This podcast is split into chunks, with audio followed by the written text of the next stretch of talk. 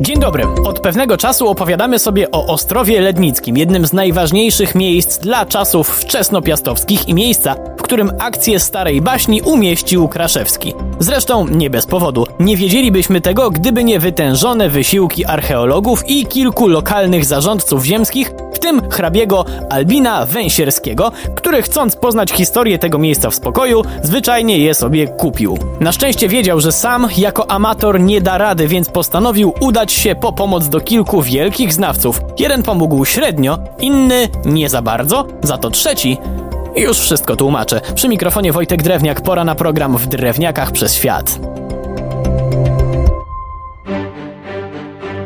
Pan Węsierski postanowił rozpocząć naukowe konsultacje z naprawdę grubej rury i opisał swoje teorie i odkrycia w liście do najważniejszego historyka tamtych czasów, Joachima Lelewela. Mający już wtedy niemało lat na karku pan Lelewel przychylił się do teorii hrabiego, że w Ostrowie była raczej rezydencja władcy niż jakaś świątynia o dominującym znaczeniu. Prawdę jednak mówiąc, nie za wiele mu wyjaśnił. Na szczęście informacja o tym, że bogacz kupił Ostrów, prowadzi tam badania i jeszcze konsultuje je z Lelewelem, nie mogły ujść uwadze rodzimych archeologów, w tym Aleksandra Przeździeckiego. Swoją drogą również był to hrabia, ale przede wszystkim zapalony, profesjonalny archeolog. Panowie nawiązali kontakt i Przeździecki zaproponował właścicielowi Ostrowa konsultację z absolutnym guru anatomii, Niemcem Rudolfem Wirchowem.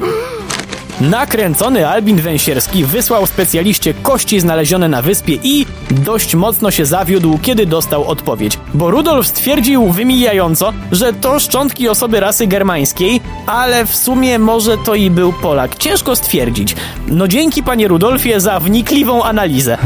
Badania, podobnie jak owe szczątki, utkwiły w martwym punkcie. Jednak polscy hrabiowie fanatycy nie chcieli się poddawać. Przeździecki, jako że był archeologiem z papierami, prezentował to, co panom udało się odkryć na kongresach archeologicznych. Nie wszędzie wzbudzał swoimi rewelacjami sympatię, bo wielu innych naszych archeologów odrzucało teorię o tym, że była tam siedziba Chrobrego i woleli pozostać przy twierdzeniu, że jak tam ktokolwiek mieszkał, to tylko poganie dawno temu. Dziś wiemy, że rację mieli zarówno jedni, jak i drudzy. Przeździecki był jednak niestrudzony w głoszeniu swoich teorii aż do grudnia 1871 roku, kiedy to nagle zmarł. Wielka szkoda. Nie tylko dlatego, że prace odrobinę zwolniły, ale również przykro, że nie dożył niesamowitego odkrycia w okolicy Ostrowa zaledwie kilka miesięcy później. W niedalekiej wsi znaleziono jakieś półtora tysiąca monet z czasów rozbicia dzielnicowego. Ile to było warte? To jest ta kategoria skarbu, gdzie w rubrykę wartość wpisuje się bezcenne. Serio, nie bez powodu część tych monet znajduje się w British Museum, ale proszę się nie denerwować, tylko 11 z ponad półtora tysiąca to nie tak dużo. Niech je sobie Anglicy trzymają i nam zazdroszczą.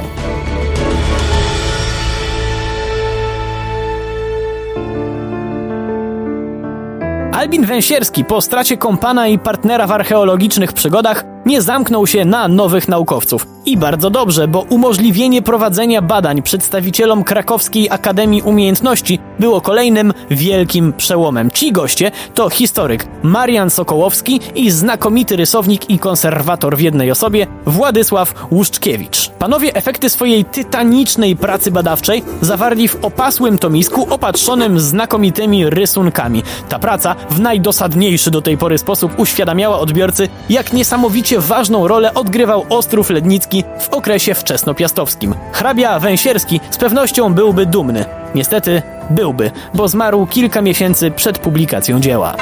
Po śmierci hrabiego, którego przecież były to ziemie, prace z oczywistych względów stanęły. Lokalni mieszkańcy, mimo że rola Ostrowa była już powszechnie znana, nad historyczną rolę przekładali doraźne potrzeby i przez lata podwędzali z dawnego grodu budulec. Dopiero lata 30. XX wieku przyniosły nowe prace archeologiczne, ale skupiono się głównie na tamtejszym cmentarzysku, a nie budynkach i wałach. Później wybuchła druga wojna, po której zapanował komunizm, co paradoksalnie jest tu bardzo ważne, bo wznowienie prac archeologicznych na Ostrowie Lednickim było jednym z niewielu pozytywnych skutków ubocznych walki partii z Kościołem o przywłaszczenie sobie rocznicy tysiąclecia państwa polskiego.